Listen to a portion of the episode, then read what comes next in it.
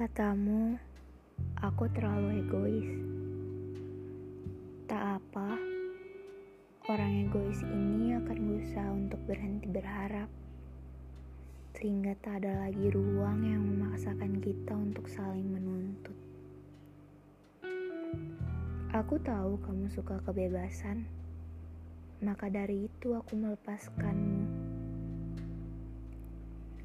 Katamu, katamu, katamu berulang kali bahwa kamu bukan yang terbaik untukku. Sadar gak sih sebenarnya yang egois itu kamu? Layaknya aku sebagai pendengar dari awal, kamu hanya mendikte kesalahan-kesalahanku. Sehingga aku yang egois dalam hubungan ini, lalu aku juga yang harus berhenti berharap.